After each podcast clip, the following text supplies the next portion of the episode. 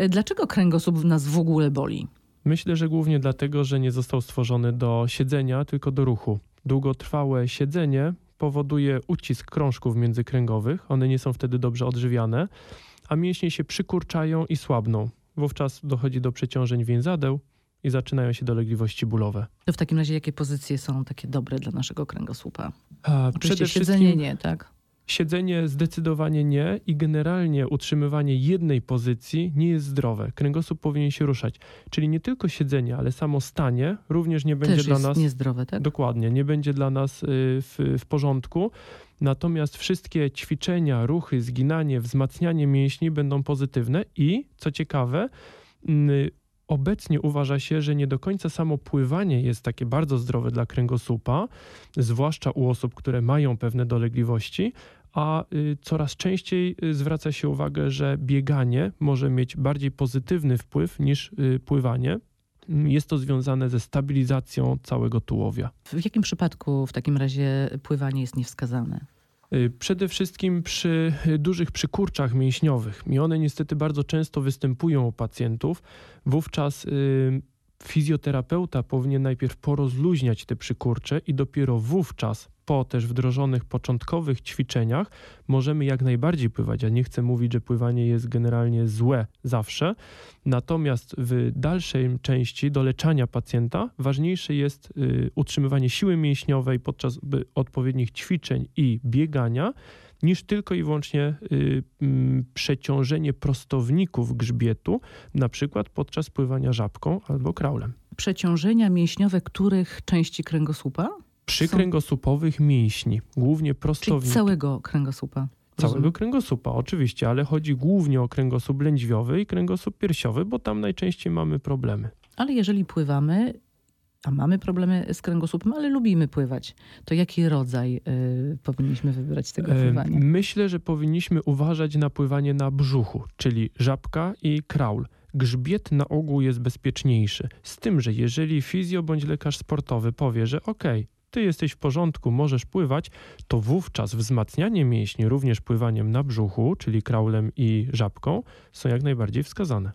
Jeden z najczęstszych powodów, z którym zgłaszamy się do ortopedów, y, jest tak zwany ból krzyża. Tak. Czy to też wynika z siedzenia? E, W wielkiej części tak. E, Tutaj e, dotykamy problemu również całej miednicy. To nie jest tylko i wyłącznie sam kręgosłup. My nie pracujemy, nasze mięśnie pracują w pewnych grupach dużych. I zajmowanie się samym jednym punktem bolesnym na ogół nie przynosi długotrwałej pozytywnych rezultatów. Y, mm, Tutaj wymagana jest duża praca i duża wiedza fizjoterapeuty, który umie wybadać nie tylko tę część kręgosłupa, ale partie leżące powyżej oraz całą, całą obręcz biodrową, czyli stawy biodrowe, mięśnie pośladkowe. I wówczas musimy na takiego pacjenta spojrzeć bardziej holistycznie, zadać też odpowiednie ćwiczenia. Y, Terapie rozluźniające mięśnie, terapie manualne powinny być prowadzone na szerszym obszarze. Nie zawsze mamy czas na tego typu ćwiczenia, z reguły nie mamy. Dopiero jak nas bardzo, bardzo boli. Natomiast siedzimy y, wiele godzin przed komputerem. No, w pozycji, różnej pozycji. To co mamy, jak mamy siedzieć? To jest wielki problem. To, to z mojego doświadczenia też wynika zarówno też y, moich y, współpracowników, że ten czas odgrywa, mm, determinuje brak rezultatów fantastycznych w leczeniu. Myślę, że powinniśmy mm, znaleźć dla siebie chwilę czasu podczas pracy, robić sobie przerwy i wykonywać kilka ruchów. Proszę pamiętać o tym, że kręgosłup odżywia się tylko w ruchu. W bezruchu krążki międzykręgowe są ugniecione, są niedokrwione, w związku z tym zaczynają chorować.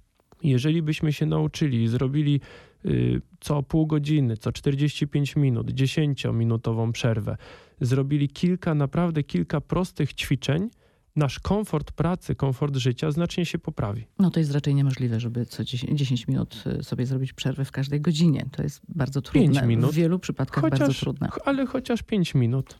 Ale co, wystarczy, że wtedy będziemy chodzić tylko? Y, To już lepiej wstać i pochodzić niż cały czas siedzieć, zwłaszcza w nieprawidłowej pozycji. Natomiast, y, tak jak mówię, tych kilka prostych ćwiczeń, które możecie Państwo albo znaleźć w internecie, poprosić swojego Lub na fizjoterapeuta, naszej stronie rmf24.pl. zapraszamy. E, Czasami boli nas y, kręgosłup latami. Do czego prowadzi takie, taki nieleczony kręgosłup? Ignorowanie bólu. No niestety prowadzi do utrwalania się zmian już strukturalnych, czyli początkowo problem dotyka bardziej przykurczów mięśni i powięzi, ale jest to jeszcze etap odwracalny. Jeżeli ten stan przykurczu, dysbalansów mięśniowych utrzymuje się długo, dochodzi do y, nieodwracalnego zwłóknienia, a później do nieodwracalnego odwodnienia krążków międzykręgowych i do rozwoju zmian zwyrodnieniowych również kostnych, tak zwanych osteofitów. Jest to stan, którego my już nie umiemy, nie, medycyna nie umie odwrócić tego stanu. A czy waga, zbyt duża waga źle wpływa na nasz kręgosłup? Bardzo źle wpływa na dwa sposoby. Pierwsza sprawa to jest y, przeciążenie samymi kilogramami. To jest tak, jakbyśmy po prostu cały czas mieli założony plecak na plecach, prawda? Czy na brzuchu.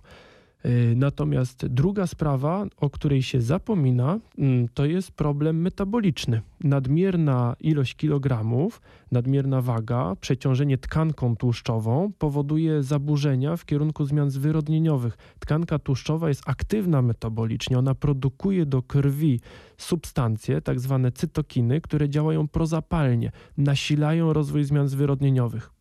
O tym często się zapomina, a uważa się w nowoczesnej ortopedii, że to jest wielki czynnik rozwoju zmian zwyrodnieniowych zarówno kręgosłupa, jak i stawów. Możemy powiedzieć o jakichś nowoczesnych metodach leczenia?